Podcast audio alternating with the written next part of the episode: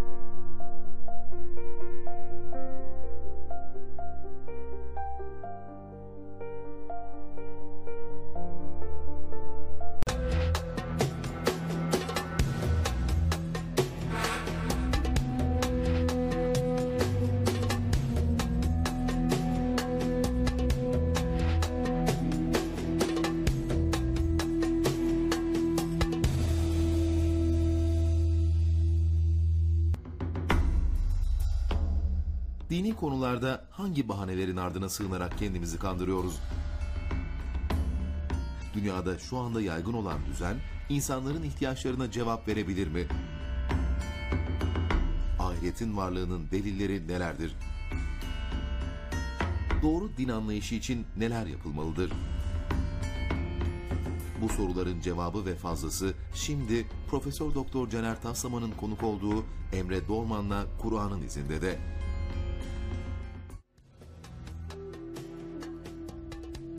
TV8 ekranlarından herkese hayırlı Ramazanlar, hayırlı geceler diliyoruz değerli izleyenler. Profesör Doktor Caner Taslaman hocamız bizlerle birlikte bu geceki programda ahiretin varlığının delillerinden başlayacağız ve dini konularda kendimizi hangi bahanelerin arkasına sığınarak kandırıyoruz? Bu konuları konuşacağız inşallah. Caner hocam hoş geldiniz. Hoş bulduk. Nasılsın Emre'ciğim? Sağ olun hocam. inşallah. Teşekkür ederim. Sizi burada gördük. Daha Ne kadar olduk. çabuk geçti Ramazan ya. Evet, Evet. Çok şükür inşallah faydalı hayırlı geçmiştir. Bu İnşallah. arada e, Kur'an'ın izinde TV8 etiketimiz var. Twitter üzerinden bu etikete yazabilirsiniz. Dini konularda kendini kandırmanın 40 yolu isimli e, çalışmam bu etikete yazan ve Instagram üzerinden de Emre Dorman hesabına yazan izleyicilerimiz arasından e, seçtiğimiz bir takım izleyicilerimize bunları hediye edeceğiz inşallah bu kitabımızı bu gece. Onu da duyurmuş olalım.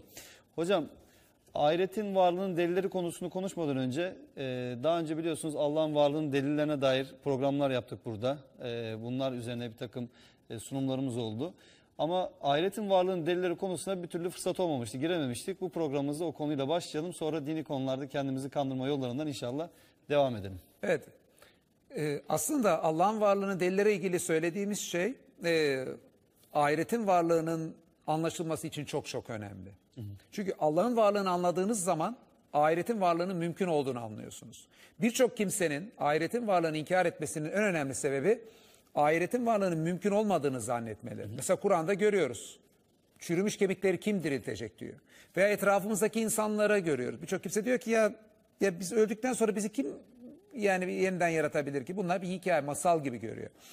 Allah'ın varlığını anladığınız anda bunun bir masal olmadığını anlıyorsunuz. Niye? Çünkü bizi yoktan yaratan varsa, bu süreç bilinçli olduysa, şu anda benim ellerimi yaratan, gözlerimi yaratan, bedenimi yaratanın, e bunları bir kere daha yaratması çok kolay. Dünyada hiç yoktan, hiçbir model olmadan yaratmış. O yüzden Allah'ın varlığının anlaşılması, ahiretin varlığını anlamada en önemli basamaklardan bir tanesidir. Ahiretin varlığının mümkün olduğunu direkt anlaşılması demektir. Kur'an'ın ifadesiyle sizi ilk defa yaratan kimse, yani şu andaki yaratılışı gerçekleştiren kimse, yeniden yaratacak olan odur. Buradaki yaratılışı Allah'ın yaptığını anlamanız bile bunun mümkün olduğunu anlamanız için yeterlidir. Hocam şüphesiz ahiretin varlığı bir gayb konusu aslında. Bizim yani bu dünya hayatında duyu organlarımızla şahit olamadığımız bir konu ama işte gaybı da yalnız Allah'ın bildiği Kur'an-ı Kerim'de bize haber veriliyor ve Kur'an-ı Kerim'de birçok ayet aslında ahiretin varlığıyla ilgili temellendirmeler yapılıyor. Aslında bir anlamda ahiretin varlığına inanmak, güvenmek Allah'a inanıp güvenmekle ilişkili. Tabii ki. Sunumumuzdan tabii bunu anlıyorum. Ee, Allah'la irtibat kurduğumuz e, yapıysa Kur'an. Neden Kur'an'a güvenimizi bağlayabiliriz? Kur'an üzerinden Allah'la irtibat kurmalıyız sorusuna bu Ramazan boyunca cevap vermeye çalıştık. Merak edenler internet üzerinden geçmiş programlarımıza baksınlar. Şimdi Kur'an'ın Allah'tan olduğunu gösteren birçok delili sunmaya çalıştık. Şimdi bunların her biri aslında ahiretin varlığının delili. Çünkü Kur'an'ın Allah'tan olması demek, şimdi e- evvelden de söyledik yani Allah'ın Allah için ahireti yaratmak çok kolay. Kur'an'ın Allah'tan olduğunu anlayınca Kur'an'a bir bakıyorsunuz yüzlerce ayette ahiretin varlığı anlatılıyor. Ahiretteki sorgudan, ahiretteki cezadan, ahiretteki ödülden bahsediliyor. Ee, buradaki yaptıklarımızın ahirette karşımıza konulacağından bahsediliyor. İşte o gün diye, e, kıyamet günü diye, kıyamet tabii yeniden diriltilme demek, kıyamet diye yüzlerce hatta binin üstünde ahirete vurgu var Kur'an'ın içinde. Saatin gelişi olarak ifade ediyor. Evrenin sonu e, için saatin sonu ama saatin sonundan sonra olacak şey de kıyamet yani yeniden dirilişimiz. Yani Kur'an'da e, her tarafına yayılmış şekilde bu mesaj var. Bu yüzden Kur'an'ın Allah'tan olduğunu gösteren her delil ahiretin var olduğunu bir delilidir. Bana göre de ahiretin varlığı en önemli delili Kur'an'ın Allah'tan olduğunu gösterilmesidir. Ama Allah'ın varlığını biz anladığımızda Kur'an'dan bağımsız olarak da ahiretin varlığına inanmamız için deliller oluşur. Nedir? Çünkü biz Allah'ın varlığını anladığımızda o evvelden anlattığımız birçok delilde mesela Allah'ın her şeyi gören, her şeyi bilen gibi sıfatlarını da anlıyoruz. O zaman Allah bizim duamızı da biliyor. Dünyaya bir bakıyoruz. Milyarlarca insan öldükten sonra hayatın devam etmesi için, ahireti Allah'ın yaratması için, ahirette yakınlarıyla sevdikleri kavuşmak için Allah'a dua ediyor. Yani Allah'ın hiçbir müjdesi olmasaydı bile yolladığı kitaplarda sırf bu bile ahiretin var olmasını bize düşündürtecek ilave bir delildi Kur'an dışında. Ayrıca yine dünyaya bakıyoruz. Allah'a düşmanlık edenler var. Bütün bunları tesadüfe e, hamledenler var. Bunların tesadüfen oluştuğunu söylüyorlar. Allah'ın varlığına inananlarla alay ediyorlar ve normal bir hayat yaşayıp gidiyorlar. Birçok kimse Allah'ın varlığına inanması yüzünden, Allah'a yönelmesi yüzünden alay edilen olarak ahirete göçüyor. Öbürleri alay eden olarak gidiyor. E, hatta birçok zaman işte Allah'ın diniyle alay edenler e, Allah'ın dinine inananlardan çok daha iyi lüks bir hayat da dünyada yaşıyorlar. Allah ahireti yaratmasa kendi varlığını reddeden, bütün bu evreni tesadüflere hamleden ve inananlarla alay eden, inananlara zulüm eden o insanları diğerlerinden üstün kılmış olur. Bu dünyada onlara daha çok refah vermişti. Allah'ın böyle bir şey yapmayacağını ummamız ve bilmemiz ahiretin yaratılacağını mesela ilave delillerinden e, bir tanesidir. Hocam biz Kur'an-ı Kerim'den varoluş anlam ve amacımıza baktığımız zaman ayetler aslında bu dünya hayatının bir imtihan alanı olduğunu söylüyor bize. Tabii. Yani neticede biz en başta bizi yaratan Allah'a karşı sorumluluklarımızı ve daha sonra da Allah'ın bütün yarattığına karşı görev ve sorumluluklarımızı yerine getirmek ve kendimizi gerçekleştirmek üzere var oluyoruz. E, dolayısıyla bir imtihan varsa bu hayatın da bir sonrası olması gerekiyor.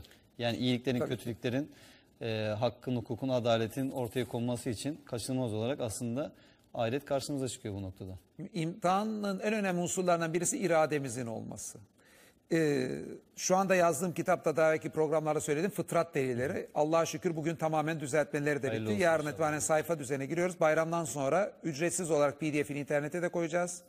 Ee, satışa da sunacağız. Orada dikkat çektiğim şeylerden biri bu iradeyle ilgili enteresanlık. İradenin neden bizde olduğu ile ilgili bir soruyu sorduğumuzda aslında bir imtihan dünyasındayız. O yüzden irade var cevabından daha iyi bir cevap yok.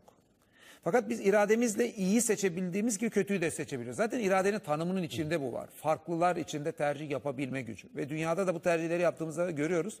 İyi seçebildiğimiz gibi yani Bosna Savaşı'nda mesela o zulüm görenleri destekleyen, onlara el uzatan biri olmayı seçebildiğimiz gibi işte onlara işkence yapan, ufak çocukları öldüren kimse olmayı da seçebiliyoruz. Fakat irademizle dünyada yaptıklarımızın karşılığını birçok zaman dünyada almıyoruz bu imtihan dünyasında. Görüyoruz yani bu zulüm yapanlar birçok zaman zulmüyle gidiyor. E, mazlumlar da mazlum olarak vefat edip gidiyor. Ahiretin olmaması demek bu zulüm yapanların adeta ödüllendirilmesi anlamına gelir. Dünyadaki bu manzarayı görmemiz bile yani imtihan dünyasında olduğunu anladıktan sonra bu manzarayı görmemiz bile ahirette karşılığın alınacağını anlamamız için e, yeterli bir delil. Ayrıca mesela başka bir delil de şu. Bunu da mesela fıtrat delillerindeki arzu deliliyle ortaya koymaya çalıştım. Hepimiz eğer içimize, iç dünyamıza bakarsak bu dünyanın bizim arzularımıza, bizim içimizdeki yaşama isteğine karşılık gelmediğini görürüz. Dünyada bize çok kısa bir süreç bu dünyadaki nimetler tattırılıyor. Pat diye ondan sonra hepsi yok oluyor. Oysa Allah bizim zihnimizle çok uzun gelecek ve çok uzun geçmişle irtibat kurmamızı sağlıyor. Bu içimizdeki yaşama arzusu ve uzun bir gelecekle irtibat kurma kabiliyetimizle birleşince hepimizin içinde aslında ahiretin var olması ile ilgili arzu var. Eğer kendi fıtratımız içimize dikkatli bir şekilde bakarsa. Aslında bu da tesadüfen değil. Allah bizim fıtratımızı bu şekilde yarattığı içindir ki bu hayat bize yetmiyor. Bu hayattan daha fazlasını istiyoruz. Hocam- Eğer ki tabii ki sağlıklı olursak, normal bir hayat e, sürebileceğimiz donanımlı olursak. Birçok insanın dünyada ölmeyi bile isteme sebebi aslında yaşamı reddetmesi değildir. Dünyada çektiği acıyı reddetmesidir. Hayatının sonuna kadar e, acılardan kurtulamayacağı bir hayat yaşayacağı evhamı veya gerçeğiyle yüzleşmesinden e, dolayıdır. Çünkü içimizdeki en güçlü arzu yaşam arzusudur. Bu yaşam arzumuz bize ahiretin varlığını istetiyor. Ama bu yaşam arzumuz da fıtrattan geliyor. Yani bize içten verilmiş, doğuştan her insanda olan bir arzu. Kısacası bizi Allah'ın yarattığını anlayınca Allah'ın bizi ahirete muhtaç yarattığını da anlayabiliriz. Ha, Allah ahireti yaratmak istemeseydi insanlara istemek de vermezdi. Bu bir Fars atasözü, çok güzel bir atasöz değil mi? Allah vermek istemeseydi istemek vermezdi. Allah ahireti yaratmak istiyor ki insanı ahirete muhtaç yaratmış. Ahireti istetiyor. Bu da bence ahiretin varlığının e, en önemli değerlerinden bir tanesi. Diğer Hocam, taraftan e, lafınızı böleceğim. Öte taraftan aslında sadece mesela Allah'a inanan insanlar e, zulme uğramıyorlar dünyada. Yani Allah'a inanmayan insanların da büyük çoğunluğu diyelim ki Evet. çeşitli e, zulümlere maruz kalıyorlar, haksızlıklara maruz kalıyorlar. Yani Allah'a inanmayan bir insan bile aslında uğradıkları zulmün, şiddetin, e, kötülüğün bir şekilde hesabının sorulmasını mutlaka ister. Yani böyle bir hayat olsa ona inanmasa bile yani eğer ki böyle bir hayat olacaksa gerçekten burada bu haksızlık yapan insanlara hesap sorulsun diye isteyecektir yani. İçimizde işte doğuştan gelen bir adalet arzusu da var. Mesela e, çocuklar üzerinde yapılan böyle deneyler var. Psikolojideki deneyler. Onlara başka programlara girdik. Uzunca girmiyorum. Ama o deneyler bize doğuştan içimizde ahlaki bir yapıya eğilim, bir dili öğrenecek kapasite gibi bir içimizde adaletle ilgili bir arzunun da olduğunu, bir adalet duygusunun doğuştan geldiğini de gösteriyor. O yüzdendir ki adalet gibi zor bir kavramı çok küçük yaşlardan biri itibaren kullanabiliyoruz. Veya bu kavrama uygun şekilde tercihlerde bulunabiliyoruz. Çocuklarla ilgili yapılan deneylerde e, çok küçük yaştan itibaren adalete bir eğilim olduğunu zihnimizde anlıyoruz. Bu da bize doğuştan olduğunu gösteriyor. Çünkü çok komplike bir kavram aslında adalet baktığımız zaman. İşte bu adalet duygusu demin dedikleri ilgili fıtratımızda olan adalet duygusu da bize ahireti istediyor. Bu da Allah'ın bizi ahireti isteyecek şekilde yarattığını gösteriyor. Yine buradan da vermek istemeseydi Allah istemeyi vermezdi veya Allah adaleti gerçekleştireceği bir alan yaratmayacak olsaydı içimize doğuştan o adalet duygusunu vermezdi. Sonucuna da götürebilir. Zaten bir düşünürsek ahiretin olmayacağı şeyde her şey anlamsız olacaktır. Bu dünyaya baktığımızda olağanüstü bir sanat var. Olağanüstü bir kudret e, gözüküyor. E, her şeyde müthiş bir incelik var. Her şeyin arkasında müthiş bir zekanın olduğunu, her şeyin müthiş bir şekilde planlandığını görüyoruz. Bir an için ahiretin olmadığını düşünsek, bütün bunların hepsi anlamsız gözükecektir. Anlamsızlığa kaçacaktır. Fakat haşa bütün bunların anlamsız olması mümkün değil. Bu bile bence bu e, e, her şeyin ancak ahiretle anlamını bulacak olması da bence ahiretin varlığının delilleridir. Kısacası Kur'an ahiretin varlığının en önemli delilidir. Fakat içimize verilen arzu gibi, yaptığımız dualar gibi, e, diğer taraftan adaletin gerçekleşmesi gibi, anlamın yerini bulması gibi Kur'an dışında da ahiretin varlığının birçok delili var. Fıtratımızdan gelen deliller, Kur'an'dan gelen delillerle birleşiyor veya başka deliller. Bu da bize aslında ahiretin varlığına inanmamızın ne kadar makul yerinde olduğunu, ahireti reddetmeninse asıl makul olmayan pozisyon olduğunu gösteriyor. Hocam e, ilk İslam filozofu olarak kabul edilen El Kindi var. Siz çok iyi biliyorsunuz. Kindi bir takım risalelerinde bu konulara değiniyor. Şöyle bir örnek kullanıyordu. e, hatırlayacaksınız. Yani eğer diyor anne rahmindeki o cenin, cenini alıp da oradan bulunduğu yerden edip anne karnına koyacağınızı söyleseniz yani bunu fark edebilecek bir şey olsa bir varlık olsa bu bulunduğu yerden e, anne karnına geçmek istemeyecektir. Anne karnına geçtikten sonra tekrar o eski bulunduğu yere döndürmek isteseniz oraya dönmek istemeyecektir. Anne karnındaki bir bebeği oradan yerinden edip dünyaya getireceğini söyleseniz orada rahat huzurlu olduğu için oradan dünyaya gelmek istemeyecektir. Ağlıyor Ama nitekim bebekler. dünyaya Yani- geldikten sonra da tekrar anne karnına bir insanı sokmayı söyleseniz muhtemelen hiç kimse böyle bir şeyi tabii ki kabul etmeyecektir. Aynı şekilde şöyle bir örnek görüyor. Diyor ki e, bir insan diyor sadece anne karnında var olmak için yaratılmadığı gibi bu dünyada var olmak için de yaratılmamıştır. Aslında insanın gerçek anlamda fıtratından kaynaklanan özlem duyduğu şey sonsuz bir yaşamdır, ahirettir.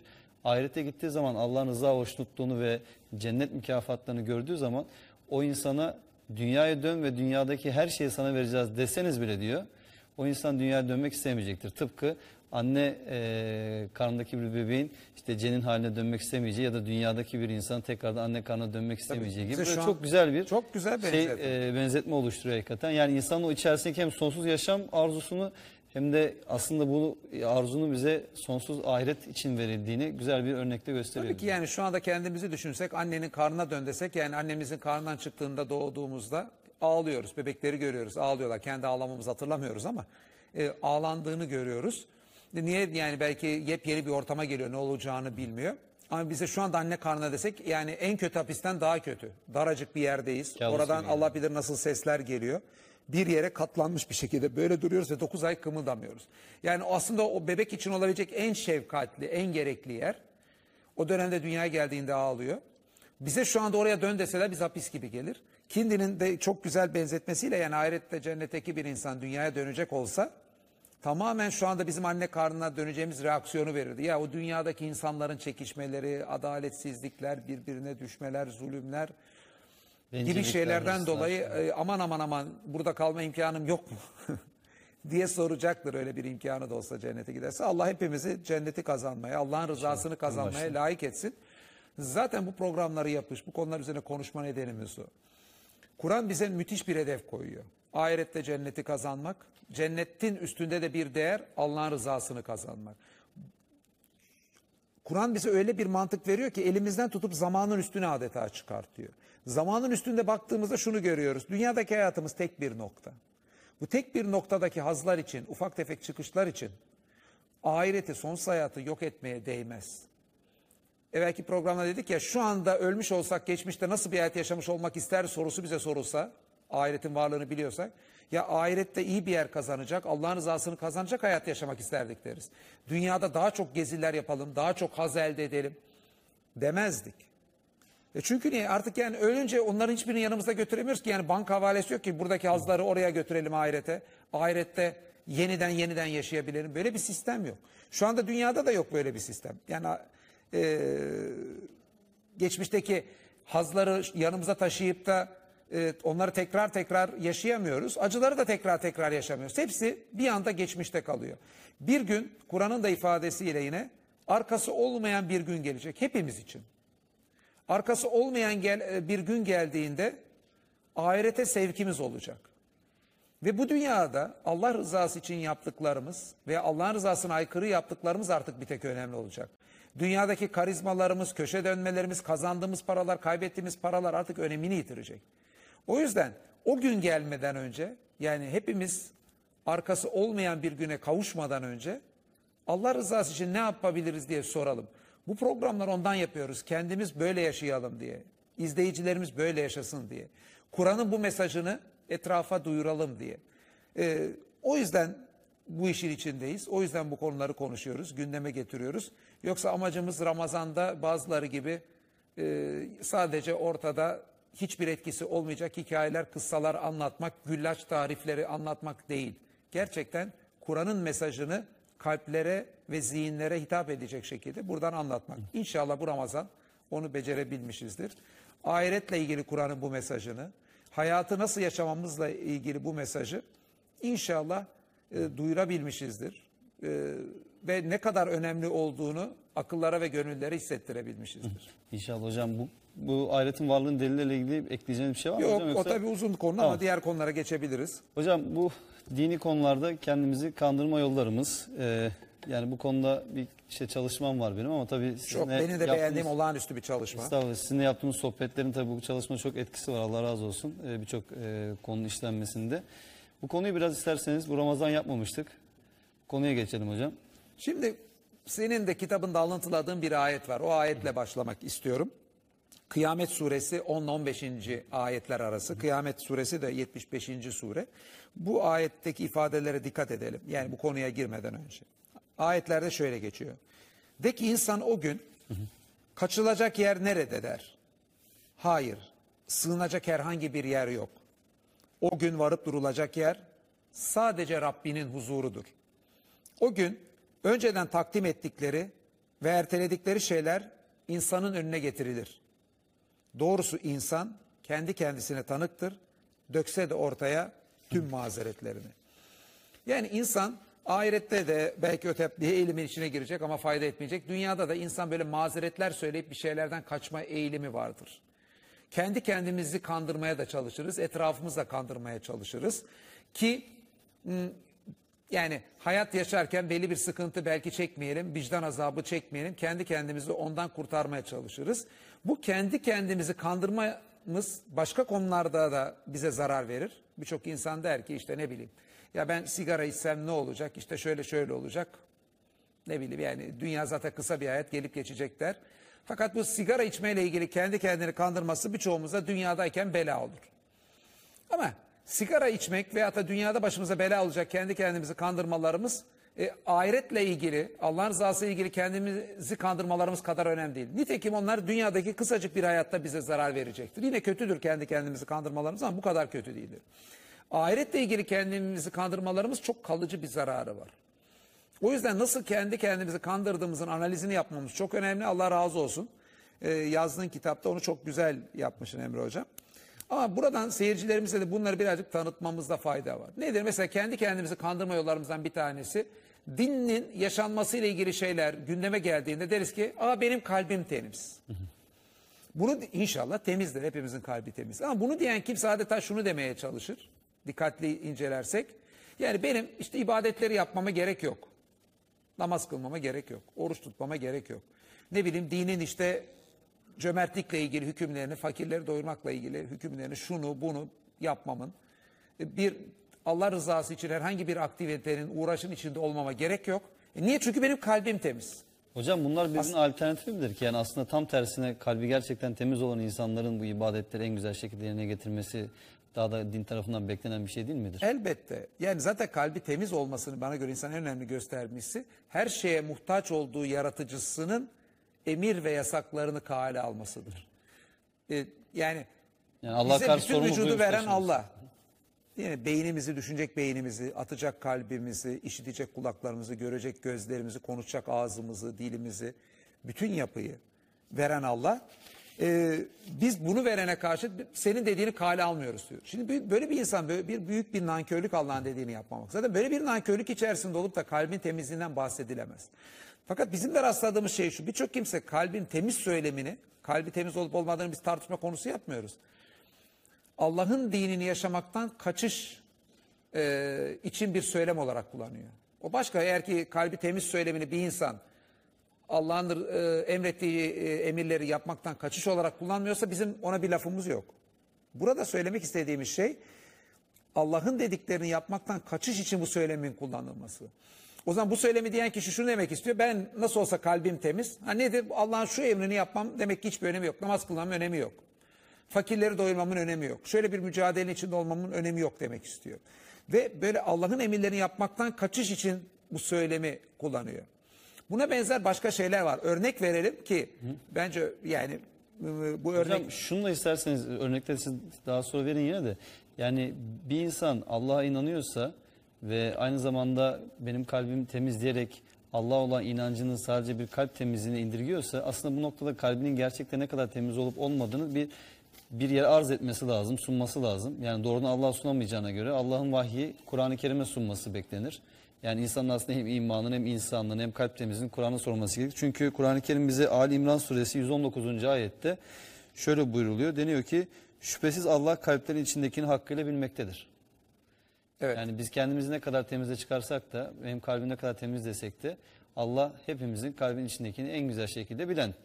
Dolayısıyla bizim kendi tem, kalp temizliğimizi Allah'a arz etmemiz yani Allah'ın kitabını arz etmemiz gerekir ki oradan onay alabilelim. Evet, elbette. Ee, mesela başka kendimizi kandırma yollarımızdan bir tanesi Allah nasıl olsa affeder demek. Duyuyoruz bunu. Ya mesela ama bu söylemi bir bakıyoruz Allah affedicidir. Kur'an'da da bu geçiyor. Fakat Allah affedicidir deyip de e, Allah'ın hoşnut olmadığı şeyleri yapmak işte kendi kendini bir kandırma yöntemi. Ve insanın bu psikolojisinde Allah bildiği için yani Kur'an'ın en önemli özelliklerinden biri insan psikolojisine yönelik müthiş e, ifadeler olması. Mesela Kur'an'ın olağanüstülüklerini işlerken bu dönem bunları hiç işlemedik. İnşallah belki ilerideki Ramazan'da program yapma fırsatı olursa orada işleriz ama bu program vesilesiyle burada söyleyelim. Mesela bu Allah hı kullanıp insan Allah nasıl olsa affeder deyip kendi kendini kandırmasına bakın Kur'an'ın mesela şu ayetlerinde olağanüstü bir e, cevap veriliyor aslında. Böyle bir aldatmanın önünü kapatıyor Kur'an. Bunlardan bir tanesi Fatır suresi 5. ayet. Ey insanlar Allah'ın vaadi gerçektir. Sakın dünya hayatı sizi aldatmasın. O aldatıcı da sizi Allah ile aldatmasın. Bakın Allah'la aldatmaktan bahsediyor. Ve dünyanın e, aldatıcılığınla beraber bu veriliyor. İşte tam demin dediğimiz şey şu. Allah ile aldatma nasıldır? Allah nasıl olsa affeder. Yani Allah'ın içinde olduğu bir söylem. Adeta aslında Allah'a öven hatta Kur'an'ın da söylediği bir ifadeyi söylüyoruz. Allah'ın affediciliğini. Ama bu insanı kendi kendini bir kandırma e, sı için bir aracı oluyor. Mesela başka bir ayet Hadid suresi 14. ayette. O yaman aldatıcı sizi Allah ile aldatmasın diyor. Burada da yine Allah ile bir aldatmanın olduğunu görüyoruz. Yani Allah affeder söyleminin insanı nasıl Allah'la aldatan bir söylem olduğunu hepimiz tanıklık ediyoruz. Hocam bu- bunun yanında şey de aslında mesela bunun kadar tehlikelidir. Bunun gibi tehlikelidir. Allah affetmez. Allah beni nasıl olsa affetmeyecek. Ben demek ki günahların içine gireyim. Yani ümit kesmek, Allah'ın Tabii ümit rahmetinden kesmek. ümit kesmek. Öf, Ama ayetlerde yine görüyoruz. Kim ayette Allah diyor ki ey nefsini e, aleyhine haddi aşan kutlarım. Allah bütün günahları affeder. Yani Allah'ın affediciliği de söylenip yok Allah benim artık günahlarımı affetmez ben battım deyip günahların içine batmak yani öyle bir aldatıcılığın da Kur'an önünü kapatıyor. Hocam reklam arası var. Reklamdan sonra buradan kaldığımız yerden Evet. devam edelim. Değerli izleyenler reklam aramız var. Sonra hocamıza devam edelim inşallah.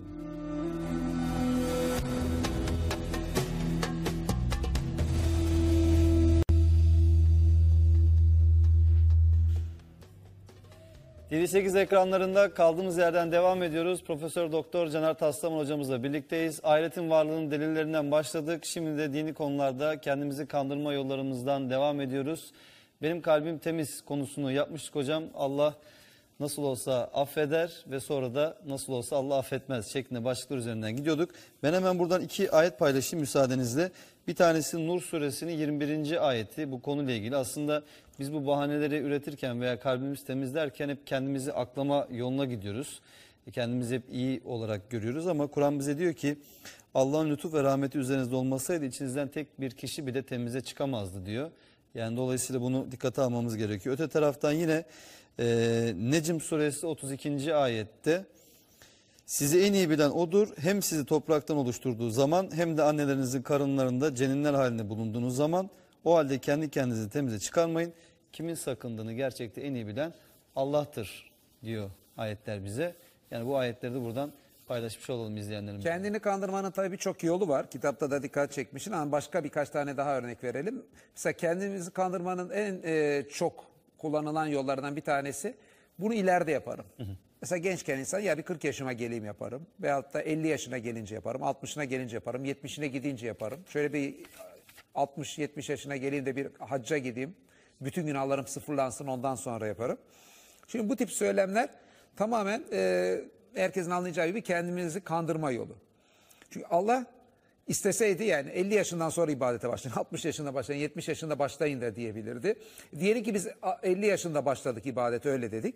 E, ondan önce e, ibadet yapmamamız ne olacak? Diyelim ki Allah affetti. Gerçekten de dediğimizi tamamen beklediğimiz şekilde tutturduk. Yani günahlarımızı affetti. Ama Allah rızası için bir şeyler üretememek, yani gençliğimiz gibi yani birçok içimizde arzuların daha yoğun olduğu yani dünyevi eğilimlerimizin daha yoğun olduğu bir dönemde Allah'a yönelmenin sevabı gibi bir şeyi kaçırmış oluyoruz. O yüzden bu da bir kendimizi aldatma yöntemidir.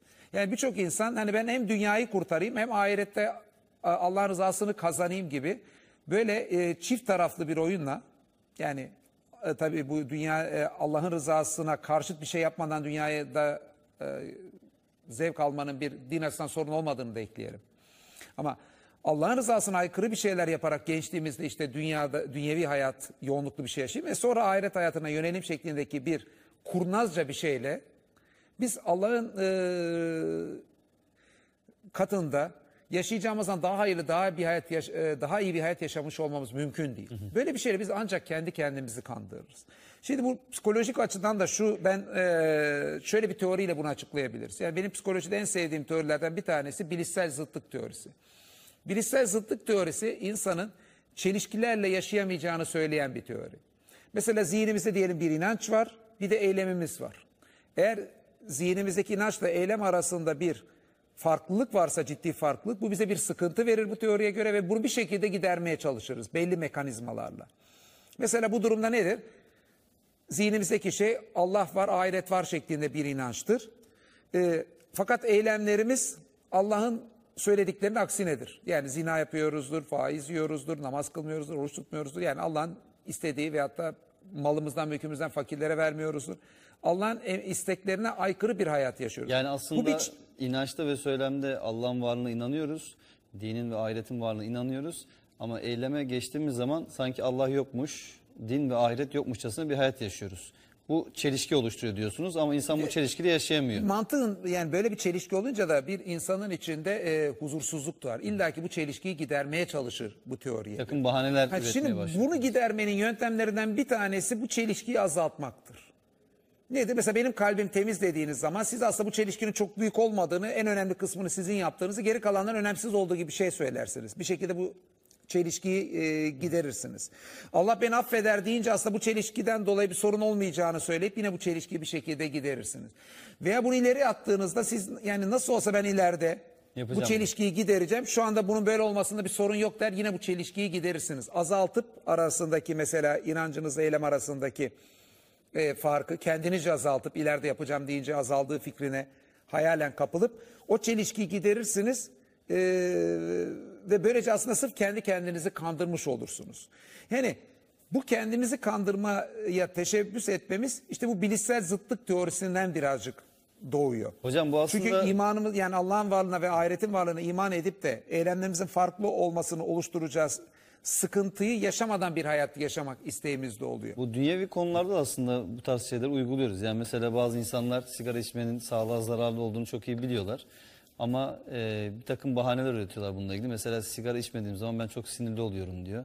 Ya da sigara içmediğim zaman kilo almaya başlıyorum. Dolayısıyla sigara içmeliyim şeklinde bir meşrulaştırma yoluna gidiyor. Aslında o zıtlıkta yaşayamıyor dediğiniz gibi. Tabii bu aslında bu bilişsel zıtlıkları e, yani bilincimizdeki iki farklı inanç arasındaki zıtlıkları gidermek veya e, e, inançla eylem arasındaki zıtlıkları gidermeye çalışmak insan tabiatının genel eğilimi. E, ve dini konularda bunu yap- e, yapıyoruz. Fakat dini konular bunun en tehlikeli olduğu alan. Çünkü dünyada diyelim sigara ile ilgili kendisini kandıran bir kimse e, yani dünyada diyelim 70 yaşında öleceğine 50 yaşında ölür. Veyahut da 70 yaşında öleceğine 60 yaşında ölür veya dünyadaki hayatını daha sağlıklı yaşayacakken e, biraz hastane odalarında sürünerek ölür. Ama bu ahiretteki kaybımıza nazaran çok basit bir kayıp. Yine bir kayıp. Yani dünyadaki kendi kendimizi kandırmamız başka alanlarda ki bedeli çok düşük. Fakat en önemli şey Allah'ın rızasını kazanmak. Sonra ahirette işte cenneti kazanmak, cehennemden kurtulmak. Dünyada kendi kendimizi kandırmalarımız bu şekilde bizi Allah'ın rızasını kaybetmeye, cenneti kaybetmeye götürebilir. O yüzden buradaki kendi kendimizi kandırmalarımızın bedeli çok yüksek. O yüzden kendimizi kandırma yol e, yöntemlerimizin de e, düşünelim ki kendimizi bu şekilde kandırmaktan kurtulalım. Hocam ileride gerçekten bir takım hatalarımızdan dönmeye ve bir takım şeyleri düzeltmeye yönelik bir e, gerçek anlamda samimi inancımız olsa bile yani ölüm gerçeği gibi bir şey var hepimizin. Tabii. E, yani aldığımız nefesin yarısı, yaşam yarısı ölüm için alınıyor neredeyse. Her an bize yakın olan bir şey. Dolayısıyla o ileri dediğimiz yaşlara, dönemlere gelme garantimiz yok aslında. Hiç kimsenin bir an sonrasının garantisi yok. Yani bu da bir çok ciddi bir risk aslında. İnsanın kendi hayatını oynadığı bir kumar bir anlamda. Birincisi bu, ikincisi diyelim ki garanti olsa yine bile akıllıcı değil. Diyelim ki bize 100 yıl yaşayacağımız garantisi verilse bile ben diyelim 30'lu yaşlarımı veya 20'li yaşlarımı Allah'tan uzak bir şekilde geçirdim. Ya geriye gidip de 20'li ve 30'lu yaşlarımı Allah rızası için Allah rızasına uygun bir şekilde geçirmem mümkün değil. O yüzden e, zamanı geriye döndürülememesi gibi bir gerçek karşısında hemen eyleme geçip de e, Allah'ın rızasına uygun hayat yaşamamız lazım. Bunun bilişsel zıtlıkların farklı bir tabii e, başka tehlikeli sonuçları var. Bazen bilişsel zıtlıklar böyle ortaya çıkınca yaptığımız eylemle Allah ha, inanç açısından birçok zamanda insan kendini kendini kandıramayacağı bir düzeye de gelebilir. Kalbin temizdir gibi kandırmalar yapamayacağı düzeyde gelir. Bu sefer bu bilişsel zıtlığı çö- çözmek için eylemleriyle inancı arasındaki zıtlığı Allah'ın varlığını inkar yoluna bile gidebilir. Niye? Çünkü Allah'ın rızasına aykırı bir hayat yaşıyordur. Allah'ın varlığı fikri ona o kadar rahatsızlık verecektir ki o eylemlerini yapmanın e, hesabını bir gün verecek olması ona o kadar rahatsızlık verecektir ki bu bilişsel zıtlığı Allah'ın varlığını reddederek çözmek yoluna da gidebilir. Ama o bu açıdan burada çok tehlikeli bir Tabii yol var. Yani değil. eylemlerle inancın paralel olmamasının. Tabii ki burada o zaman yani bunun faturası çok daha da e, Hocam büyük bir yola gidebilir. Dini konularda biz Kur'an-ı Kerim'e baktığımız zaman yani ihlas üzerine e, her şeyin gerçekleşmesi gerektiğini görüyoruz. Yani burada aslında birçok şeyde insanın e, Allah'a karşı kulluk vazifelerini yerine getirirken samimiyet herhalde devreye giriyor. Mesela biz aslında kendimize samimi olsak, gerçekten bir düşünsek, yani bu bahaneleri nasıl ürettiğimizi gerçekten anlasak belki de utanacağız kendimizden. Çünkü mesela birçoğumuz aslında dünyevi olarak ihtiyaç duyduğumuz şeyleri elde etme noktasında bunları hiç ileriki yaşlarımızda ertelemiyoruz. Yani bizim için Tabii. iyi ve doğru olduğunu düşündüğümüz şeyleri hemen elde etmek istiyoruz. Mesela konforlu Hemen bir evimiz olsun konforlu istiyoruz. bir evde oturmayı, lüks bir arabaya binmeyi, işte iyi Hemen bir yaşam standartına sahip olmayı, yüksek maaşlı bir işte çalışmayı, hemen e, hak etmeden belki daha da yüksek maaşlı bir işe terfi edelim. Yani bizim için bu dünyevi anlamda bize artı değer katan, fayda sağlayan maddi şeyler elde etme noktasında hiç yani sabırlı olamıyoruz ve bunları yani ömrümüzün son dönemlerine erteleme gibi bir anlayışa sahip olmuyoruz ama ahiretle ilgili konular olunca sanki garantimiz varmış gibi hep böyle ileri erteleme yanlışına düşüyoruz. Mesela başka bir kendimizi kandırma yollarına gidelim. Mesela dini konuları yaşamamız gerek, yani Allah'ın istediği gibi dini yaşamamız gerektiği, Allah'ın emirlerini yerine getirmemiz gerektiği gündeme gelince bazı kişiler ya falancalarda hacı hocam üç kağıtçılar. Falancalarda işte dini istismar ediyorlar şeklinde çıkışlar yaparlar. Ve bu çıkışlar doğru da olabilir. Hepimiz biliyoruz yani dindar görünümlü üçkağıtçılar olduğunu. Ya Kur'an diyor bunu. Ne diyor Kur'an? İşte e, Tövbe suresinde din adamlarının e, insanların mallarını haksızlıkla yediklerinin örneğini veriyor. Rahiplerden, hahamlardan hareketle. Bu da yani bizim için de aynı şeyin geçerli olduğu ile ilgili bir öğüt aslında. Yani buna kimsenin itirazı yok. Gerçekten dindar görüntülü üçkağıtçı birçok kimse tarih boyunca Hristiyanlıkta da olmuştur, Yahudilikte de olmuştur, İslam'da da vardır, olacaktır. Ama di- dinin sahibi onlar değil ki. Yani falancanın hacı hocaya diye bilinip de diyelim tartıda ölçüde hile yapması, üçkağıtçılık yapması, dini birilerinin bir şekilde istismar etmesi. Yani benim dini yaşamamam gerektiğinin bir mazereti olamaz. Hiç kimseye şunu demiyoruz ki bizi Ahmet Efendi, Hulusi Efendi, Şemsi Efendi, işte ondan sonra Rüstem Efendi dini yaşıyorlar. Sen de o yüzden git dini yaşa demiyoruz ki kimseye. Hocam bu isimleri nereden buldunuz? ya? Yok şu anda attım kafadan inşallah yani bir kimsenin ismiyle benzeyip de falancalar dini yaşıyorlar veya yaşamıyorlar. Sen o yüzden dini yaşa yaşama demiyoruz ki Allah istiyor onun için yapacaksın diyoruz. E sen niye başkalarının üçkağıtçılığını Allah'ın dinini yaşamamak için bir mazeret kabul ediyorsun? Bu alene bir kendini kandırma yolları. Yani falanca kimsenin değil ki bu din. Bütün insanlara inmiş bu mesaj. İnsanlardan bunu kabul edenler var, kabul etmeyenler var. İşte kabul edip de buna güvenenler Müslüman oluyorlar, mümin oluyorlar. Müslüman olmak bu mesaja teslim olmak demek, mümin olmak bu mesajdan emin olmak. Gönüllünden inanarak buna bağlanmak demek. Ama bu mesaj bütün insanlara gelmiş. O falanca üçkağıtçı olan dinin daha çok sahibi değil ki. Sen onu öyle görüyorsan falanca bilmem cami hocası oluyor diye, falanca bilmem nerede müezzin oluyor diye, falanca fa- dini bir okulda okuyor diye. O dinin daha çok sahibi görüyorsan sen onu, e senin bakışında bozukluk var. Din her birimize Allah'ın gönderdiği bir şey. Falanca bu dinin benden daha çok sahibi diye bir şey yok. O üç kağıtçıysa sen üç kağıtçı olmayan modeli yaşat millete göster. Hocam öte taraftan yani kötü örneği as- esas almak da insanı hataya düşürür. Çünkü bir genelleme yapmak mümkün değil. Zaten dindar bir insan gerçekten dini anlamışsa kavramışsa e, ihlaslı samimi e, bir insan olacaktır. O beklenir. Dolayısıyla kötü örnekler üzerinden bunu dine fatura etmek ya kötü örnekler üzerinden bütün inananları bu noktada zan altında bırakmak da hakikat adına aslında bir şey ifade etmiyor yani. Hatalı bir yaklaşım olur. Peki veyahut da bazen de başka bir kendimizi kandırma yollarından bir tanesi diyoruz ki ya işte biz peygamber... Hocam şununla ilgili kısa bir şey ekleyelim mi? Evet, Aslında ekle yani e, siz de hatırlayacaksınız. Özellikle bu 70'li 80'li yıllarda Türk filmlerinde çok yaygın olarak işlenen bir temaydı bu. Yani üçkağıtçı hacı hoca teması. Ya işte bir yerde bakkal oluyor ya işte bir cami imamı. E, hep böyle hile orada nerede varsa böyle bir şekilde insanları aldatacak şekilde ya da bir takım maddi şeyler karşılığında böyle yanlış e, dini açıklamalar yapacak şekilde böyle bir tema işleniyordu. Bu da aslında bir toplumda yani bu hacı hoca korkusu veya dindarlar hep böyledir diye böyle bir genelleme yapma şey biraz da bu tarz böyle filmlerden de bir arka plan alıyor sanki bir temeli var sanki burada. da. Elbette olabilir. Yani buralardan da gelebilir. Gazetelerde, medyalardaki söylemden de olabilir. Yani bu bir de gerçek de yani. Hani din adamı gibi gözüken birçok kimselerin dinin istediği şekilde yaşamadığı bir gerçek. Ama bu dinin sahibi kimse değil ki. Onu yani şey yapmak lazım. Yani onun öyle yaşaması benim dini yaşamamın bir mazereti olamaz. Hatta tam tersine bizim dini daha da doğru öğrenmemiz, daha da iyi yaşamamız ve örnek olmamız Sen gerekir çık ortaya yani. ve iyi örnek ol. Sen gerçekten Allah'a de inanıp da namazını kılıp da orucunu tutup da bir insan nasıl ticarette dürüst olabilir? Nasıl fakirleri de gözetir? Nasıl işine, gücüne, siyasetine yalan, hurda, dolan karıştırmaz? Sen onun örneğini göster başkalarını beğenmiyorsan. Yani senin neden bu dinden kaçman için bir sebep olsun?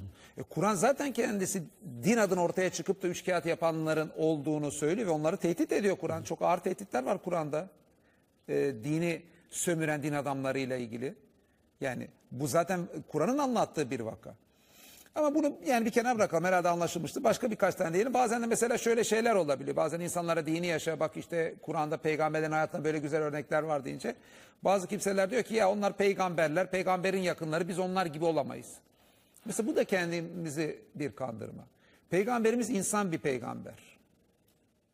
İnsan peygamber olduğunu şu açıdan vurguluyorum. Yani bazen bazıları peygamberi insanüstü gösterip e, üst- üstün, üstün insan peygamberimiz. Yani sıradan bir insan değil diğer insanlar gibi. Allah'ın özel seçtiği bir insan. E, üstün bir ahlakı olan insan. Ve Kur'an'ın tabiriyle alemlere rahmet için gönderilmiş bir insan. Günahları affedilmiş bir insan. Hep bu Kur'an'da peygamberimizin anlatılışı. Yani herhangi bir insan değil ama insan. Yani insan üstü değil, bir melek değil, şey değil. Yani insanların yaşadığı acıları yaşayan, insanların e, e, dünya hırsı yapmalarına sebep olan işten arzulara sahip biri. Ama o Allah rızası için yaşarken o arzulara yenilmiyor. Nefsini terbiye ediyor. Hayatını Allah rızası için ortaya koyuyor. O da yaşamı belki seviyor ama Allah rızası için Müslümanları yok etmeye gelenler de savaşta canını ortaya koyuyor.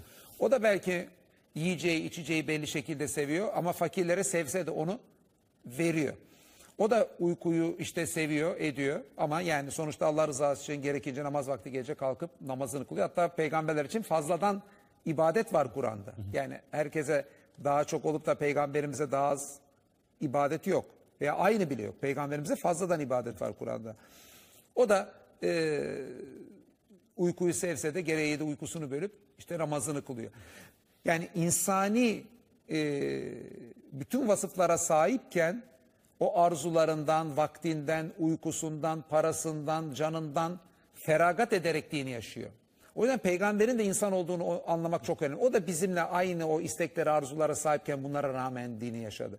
Yani peygamberin bu insani vasfını da çok ötelerseniz o zaman peygamberlerin insan için örnek olmasını gölgelersiniz. Yani peygamberimizin ve tüm peygamberlerin üstün insanlar olduğu gerçeğini saptırıp da onları insan üstüleştirdiğimiz zaman aslında Mekkeli müşriklerin eee, bir peygamberle ilgili beklentilerine geliyor. Melek bir peygamber bekliyorlar. Dolayısıyla insan olmayan bir peygamber örnek de anlamaz ama Kur'an-ı Kerim'imiz örnek almamızı söylüyor. Hazreti İbrahim Üsve-i örneğinde var. Hasene olduğunu söylüyor. Hazreti İsa örneğinde var, Hazreti Peygamber örneğinde var. Yani Kur'an-ı Kerim peygamberler örnek alın diyor. Biz bahane üretirken biz kimiz ki peygamberler gibi olalım. Örnek yani. Kur'an-ı Kerim olun diyor. Biz e, bahane üretirken biz kimiz ki peygamberler gibi olalım diyoruz. Evet. Hocam aslında bu e, siz de çok buna tanıklık ediyorsunuz. Bu herkes böyle yaşıyor bahanesi de var. E, etrafımızdan çok duyabiliyoruz bunu. Yani bazen bir takım hatalar yaptığımız zaman e, bu hataları bir takım işte bahanelerin arkasına sığınarak yapıyoruz. Gerekçe olarak da diyoruz ki ya zaten aşağı yukarı herkes böyle bir hayat hedefinde. Herkesin hayat amaçları bunun üzerine şekilleniyor. Etrafımıza bakın bak insanlar ne tip ideallerin peşinden gidiyorlar. Yani çoğunluktan güç alma bahanesi de var biraz herhalde. Tabii çoğunluğa bakıp da uyuma da var. Yani oysa Kur'an e, çoğunluğun birçok zaman yanlış üzere olduğunu söylüyor. Çoğunluğa uyarsak sapıtacağımızı söylüyor. Kur'an. Enam suresi 116. ayet Evet. mesela. Yani bu yüzden yani çoğunluk böyledir. Toplumda herkes böyledirin asla mazeret olamayacağını bilmemiz lazım. Bir de bazı insanlar dini çevrem beni dışlar diye yaşamıyor. İşte arkadaşlarıyla diyelim içki partileri yapıyorsa ya ben şimdi dini yaşarsam arkadaşlarım beni dışlar. İş yerinde arkakiler beni dışlar. Ailem beni dışlar diye endişe ediyor. Oysa şunu bilmemiz lazım. Bütün insanlar bir araya gelse, onlar bizi dışlasa, Allah'ın bizden razı olmamasının yanında bu ufak bir şeydir. Ya bütün insanlar bizi sevse, beğense, takdir etse, eğer bizi bir tek Allah beğenmiyorsa, bütün insanların bizi beğenmesi, sevmesinin hiçbir önemi yoktur. Yani geri kalan bütün insanların bizi beğenip beğenmemesi, Allah'ın beğenip beğenmemesinin yanında sıfır hükmündedir. Bu mantıkta bilinçli olmamız lazım. Yani insanlar tarafından dışlanma korkusu, insanlar bizi beğenmez korkusu birçok insanın dini yaşamamasında çok önemli bir mazeret, bir sebeptir. Burada yani Allah'ın beğenmesinin ve beğenmemesinin her şeyin üstünde olduğunu bilmemiz lazım. Yine bize içimizden doğuştan verilen arzulardan bir tanesi kendimizi beğendirme arzumuz. Ama bu fıtratımıza verilmiş arzu da Allah tarafından verilmiş. Unutmamamız lazım. O zaman yani yapılabilecek en mantıklı şey bizim herkesten önce, her şeyden önce Allah'a kendimizi beğendirmek, Allah'ın rızasını kazanmaya çalışmamız.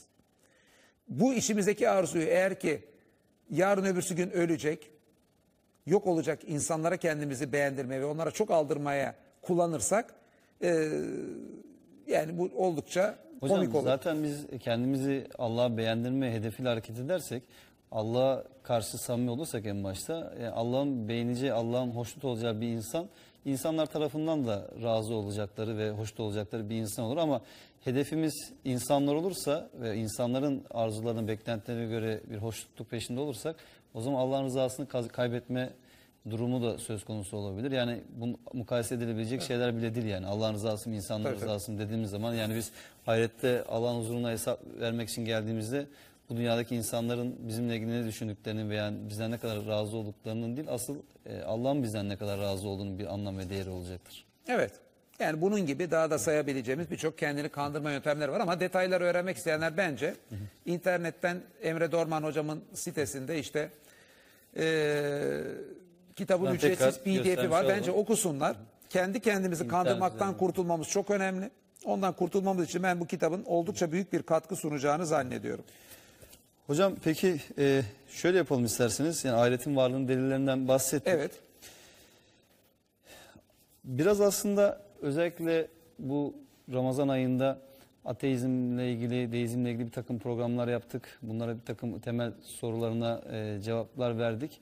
Ama e, hem ilahiyat üzerine çalışan hocaların veya ilahiyat fakültesini okuyan genç kardeşlerimizin, e, arkadaşlarımızın ya da gençlerin genel olarak ateizm konusundaki bu tehlikeye nasıl hazırlanmaları ve bu konuda ne yapmalarını tavsiye edersiniz? İsterseniz biraz bunlarla ilgili konuşalım. Şimdi o ateizmden gelen veya din inkarından gelen dinsizlikle ilgili e, eğilimlerin bir kere ciddi olduğunu bilmemiz lazım. Yani ciddi bir konuyla ilahiyatçılar karşı karşıya. Evvelki programda da söyledik. Yani ateizm uçak sallanıncaya kadardır demek. Yani e, bir güzel espri olabilir. Aslında hiç ateist yoktur demek bir komedidir. Yani gerçekten etraf ateistlerle dolu, din inkar edenlerle, dinsizlerle dolu. Ve bunları görmezlikten gelmek sadece kendi kendimizi kandırmak demektir. Etrafta birçok kimse ateizme kayıyor, dinsiz oluyor, işte dini yaş- e, yaşamayı bırakıyor. Ve biz bunu sıradan bir olgu olarak görüyorsak, aslında yarın bunlar yaşlanınca buna döner gibi bir şeyle kendi kendimizi kandırıyorsak, e, olayın ciddiyetini anlamamışız demektir. Yani birinci atılması gerektiği adım, ee, eğer ki birinin İslami kaygısı varsa, İslami kaygısı yoksa bence onu, önce onu inşa etmek lazım ilahiyatçılarımız İslami kaygı yoksa. Ama İslami kaygısı varsa öncelikle burayı anlamamız lazım. Daha sonra ateistlerin sorularının cevaplanmasının öyle hiç de zor olmadığını bilsinler. Yani, yani ben yıllardır bu işin içindeyim. Yani hiç öyle ümitsizliğe kapılacak, e, ateistler karşısında kendini ezik hissedecek bir durum yok. Ne yazık ki bazı ilahiyatçılar böyle bir eziklik içindeler. E, onların bu ezikliği hissetmemeleri için yıllardır da çalışıyoruz. Yani ben kendi adıma bu konuda e, cevap olabilecek, Allah'ın varlığını göstermesi açısından, dinin Allah tarafından gönderildiğinin anlaşılması açısından birçok kitaplar yazdım, programlar yaptım. E, kitaplarımın hepsinin pdf'i benim sitemde var. canertaslaman.com. Mesela benim kitaplarımdan faydalanabilir ilahiyatçılarımız. Ha başka bu konuda yararlı olduğunu düşündükleri kimselerin eserlerinden e, de faydalanabilirler. Mesela burada program yaptığınız arkadaşlardan mesela Enis Doko. Burada oldukça faydalanacak bir arkadaştır. YouTube'da bununla ilgili videolar var. Yeni çıkacak makaleleri ve kitapları da var. Mesela Alper Bilgin'in son Bilim Ne Değildir diye yazdığı kitap bence burada oldukça e, faydalanabilecek bir kitaptır. Emre Dorman hocamın kitaplarında işte Allah'ın parmak izinden e, insanlar uyurlar kendin e, ölünce uyanırlar kitabına birçok kitabına kadar din neden gereklidir kitabına kadar birçok kitabı bunların da hepsinin ücretsiz pdf'i Emre hocamın sitesinde mevcut. Bunlar hep faydalanacak kaynaklar. Yani ilahiyatçılar önce doğru kaynakları tespit edip cevap vermede e, bunları okumaları ve kendilerini hazırlamaları lazım. Cevaplar var. Bakın YouTube'da cevapları koyduk, kitaplara koyduk. Bunlardan faydalansınlar. Ha, bizden daha iyi cevap verdiğini düşündükleri birileri varsa onları bulup onları faydalan. Yani yeter Ama ki bu konuda bir duyarlılık gelişsin yani. tabii, öncelikle bu konunun ciddiyetini anlasınlar. Sonra doğru eserleri bulup doğru şekilde cevap bulsunlar. Yani bir din dersi öğretmeninin lisedeki gidip de ateist çocukların soruları karşısında ezilmesini benim yüreğim gönlüm asla kabul etmez. Yani böyle bir şeyin olmasını. Ee, olmamalı bu durum. Nice din dersi öğretmenlerimiz var. Gerçekten araştırıp faydalanıp mesela bu tip eserlerden çatır çatır cevaplarını veriyorlar. Zaten veremeyecekleri bir durum da yok. Ama bu konuda lakayt geçenler, kendine hiçbir hazırlık olmayanlar yarın yani çok sıradan uyduruk bir soru soruluyor. Allah'ı kim yarattı şeklinde. İşte Hazreti Ayşe Peygamberimiz küçük yaşında mı aldı diyorlar. Hepsinin cevabı çok açık. Programlarda verdik. O uydurma bir şey. Zaten Peygamberin küçük yaşta kızla evlendi ama Allah kim yarattı sorusuna baksınlar mesela bu programda kaç kere cevap verdik. E, Bu tip böyle basit birkaç soru karşısında bile eziliyorlar. Talebeyi aşağılayarak sen sus bakayım diyerek işte bunu dersen cehennemlik olursun gibi böyle saçma sapan Kafir çıkışlarla falan şeklinde. e, cevap verilemiyor izlenim oluşturuyorlar. Dediğimiz gibi yani bizim din dersi öğretmenlerimizin, ilahiyatçılarımızın böyle uyduruk sorular karşısında ezilmelerini asla gönlümüz kabul etmez. Ama ne olur bu arkadaşlar kendilerini hazırlasınlar. Yani kendilerini böyle ezilir konuma düşürmesinler ve konunun ciddiyetini anlasınlar. Yani bir yerde böyle ciddiyetsiz konuşan ilahiyatçılar varsa dediğimiz gibi yani onlar yaşlanınca nasıl olsa dine dönecekler falan gibi bir iki cümleyle bunu geçiştirenler varsa bilsinler ki bunlar ya konunun ciddiyetini anlamamışlardır veyahut da kendi yetersizliklerini bu tip söylemle üstünü kapatmaya çalışmaktadırlar. Ciddi bir olgunun karşısındayız. İlahiyatçılarımızın buna karşı hazırlıklı olması İmam Hatip Lisesi'ndeki başta öğretmenlerimize ve İlahiyat Fakültesi'ndeki öğretmenlerimize düşmektedir. Hocam aslında bu tabii sadece eğitim kurumlarında yapılacak bir şey değil. Ebeveynler de bu noktada ciddi anlamda bir görev düşüyor. Çünkü neticede daha çocukluk evresinden itibaren e, gençliğe geç, geçerken de birçok soruyu insanlar önce ebeveynlerine soruyorlar. Yani gerek Allah'ın varlığıyla ilgili olabilir, din bir takım uygulamalarla ilgili olabilir. Yani bu noktada da bir insan eğer ki kendi evladını, çoluk çocuğun Tabii. hem bu dünyası hem ahiretini düşünüyorsa yani bu sorulara cevap verme noktasında bir okuma kültürünün gelişmesi, araştırmasının e, araştırma ortaya koyması da son derece hayati yani. Bakın din adına ortaya çıkan uyduruk izahları. Ee, işte peygamberin sümüğünü işte üstüne başına sürenler vardı ondan faydalanıyordu şeklinde izahlar. Ee, böyle dinden uzaklaştıracak tarzda insanlar yani dinimizin falancayı asmayı, kesmeyi, biçmeyi emrediyormuş şeklindeki izahları yaymak. Bir de din adına yanlış izahları yaymak.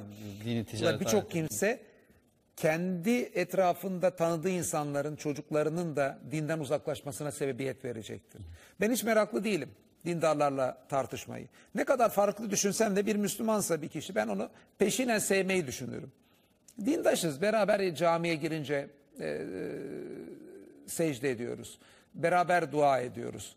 Yani benim şimdi eleştirdiğim kimselerle de ben camide bir araya gelsem onların arkasında namaz kılarım. Onlar benim arkamda kılar mı kılmaz mı bilmem. Yani ben hiçbir sorun görmem. Yani onların arkasına namaz kılmayı, onlarla kılmayı yani seve seve de yaparız. Ee, en çok üzüldüğüm şey birçok zaman Müslümanlarla tartışmak zorunda kalmak. Ama İslam adına ortaya sunu- sunulan yanlış görüşleri eleştirmezsek biz din adına bunların dinden sanılma tehlikesinin olduğunu bilelim. Siz işte yani eleştirmezseniz peygamberin sümüğünü kapışıyorlardı falan şeklinde Müslümanlar bir şeyi. E, dinde bu izah var zannedilecek. Yani tevhid dinini yerleştirmek için gelmiş peygamberimizin etrafındaki sahabelere bu tip bir konuda müdahale etmediğini, adeta böyle putperestlik tarzı bir yapılanmayı kendisini de teşvik ettiğini buna bir şey demediğinin zannedilmesine sebebiyet veririz. Eğer biz bunlar karşısında susarsak. Ondan çok önemli yani dinin içindeki yanlışları eleştirmemiz çok önemli. Ben bunu gerçekten yani yaptığım faaliyetlerde en üzülerek yaptığım şeylerden biri din içindeki tartışmalara girmek. Çünkü Müslümanların hiç kimseyle tartışlı durumda olmak istemiyorum. Müslümanların birliğine de inanıyorum. Kardeş olduklarına inanıyorum. Yani Kur'an inananlar kardeştir diyor. Bu kardeşliğin bozulmasını da istemiyorum. Ama din adına yanlışları düzeltmek de bizim görevimiz. Yani burada kardeşlik bozulacak diye düşünüp de bunu söylemezlik edemeyiz. Birçok insan bu izaları ve yanlışlar yüzünden dinsizliğe de kayıyor. Yani insan tabii ki inanan bir kardeşini sevebilir ama hakikati daha çok sevmesi gerekir ki e, en azından Allah'ın razı olacağı bir kul olabilsin. Bir Allah'ın dinine karışan uydurmalardan dini korumamız lazım. İkincisi de işte bu dine karışan uydurmalar yüzünden birçok kimsenin dinden uzaklaşması gibi çok üzücü bir olayın önüne geçmemiz lazım. Hocam hem din adına uydurulan şeyler var bir de mesela işte bu hafta biliyorsunuz bir takım e, maalesef kötü örneklerle karşılaştık. Yani minibüste bir kızcağızla işte etek giydiği için, şort giydiği için bu Ramazan'da böyle giyinmeye utanmıyor musun şeklinde böyle bir çok çirkin bir e, sözlü ve e, fiili saldırı gerçekleştirildi. Ya da işte başka videolar denk geldi. İşte sokak ortasında dondurma yiyen çocuklarla tartışan bazı e, vatandaşların görüntüleri internette e, karşımıza çıktı.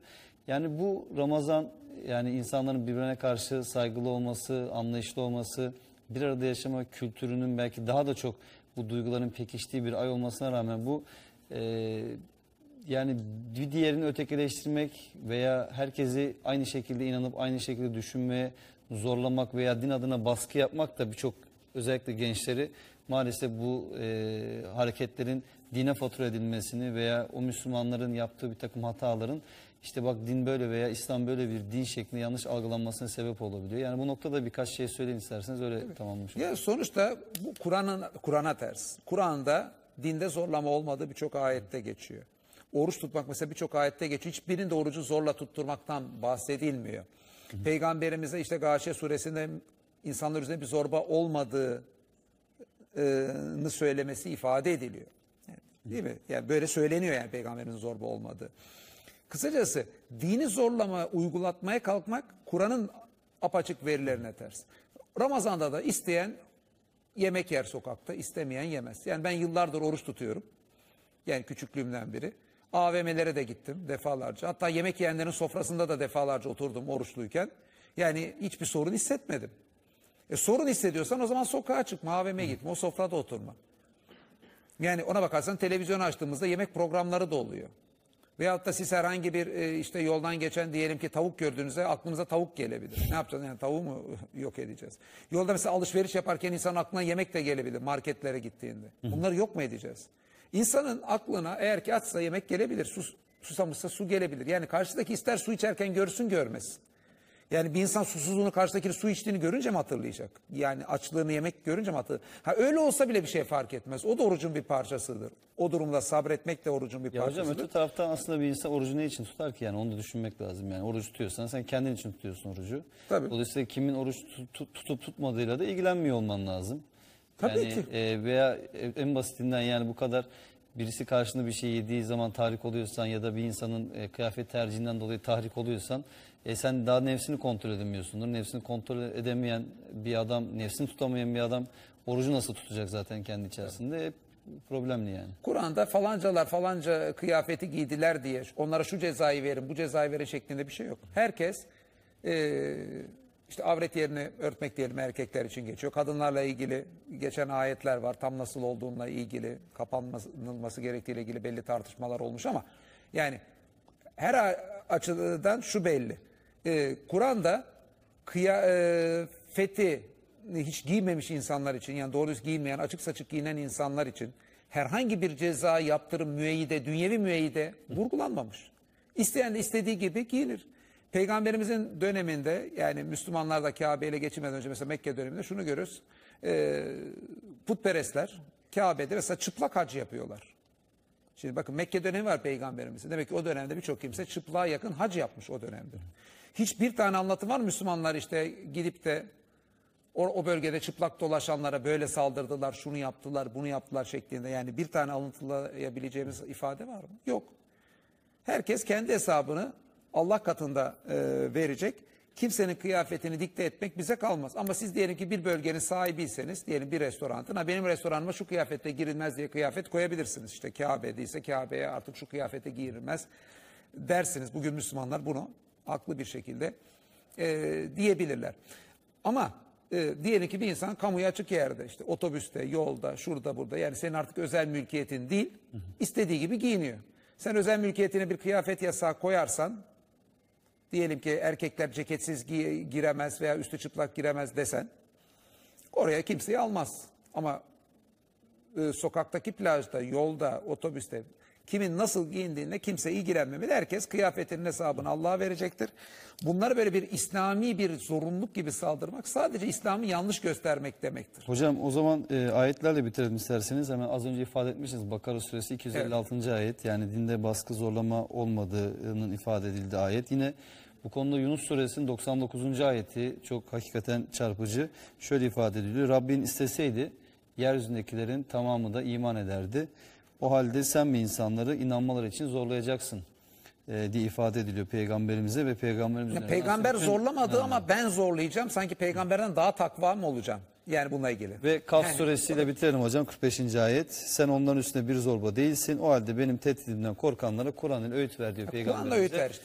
Bu Dolayısıyla Ramazan yani, boyunca da bu program Kur'an'la öğüt vermeye çalışma programı oldu. Ondan seni tebrik ediyorum. hocam çok teşekkür ediyoruz. Allah razı olsun. için Allah razı olsun. Değerli izleyenler bugünkü programımızda sonuna geldik. Görüşmek üzere diyoruz.